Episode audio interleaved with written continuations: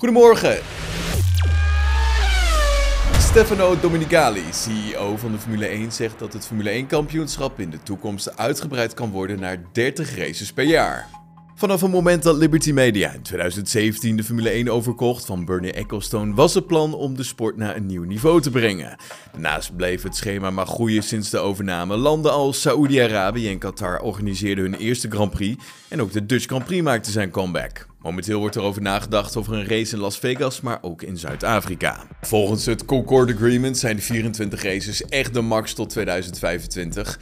Maar Dominicali is echter van mening dat er voldoende vraag is om het aantal Grand Prix gedurende het seizoen te verhogen.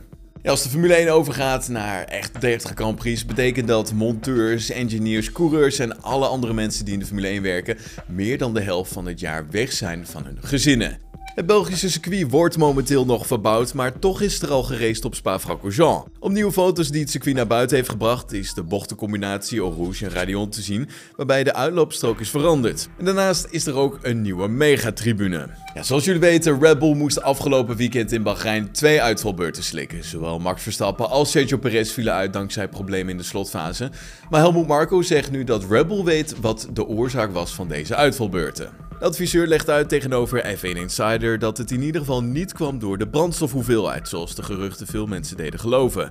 Ja, volgens Marco klopt hier namelijk niks van en zat er genoeg brandstof in de tank op het moment dat Verstappen en Perez uitvielen. Zonder dat ik exacte cijfers zal geven, beide auto's hadden nog genoeg brandstof in de tank zitten. Maar goed, wat was dan wel de oorzaak van het uitvallen? Nou, Marco en Red Bull die weten het inmiddels.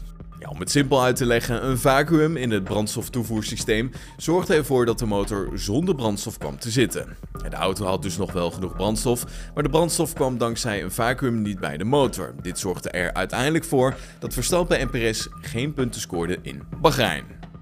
Dat was hem dan het nieuws van vandaag. Heb je genoten van deze aflevering? Laat van je horen op onze Apple Podcast pagina of volg ons op Spotify. Zie ik je morgen weer. Tot dan. Hoi.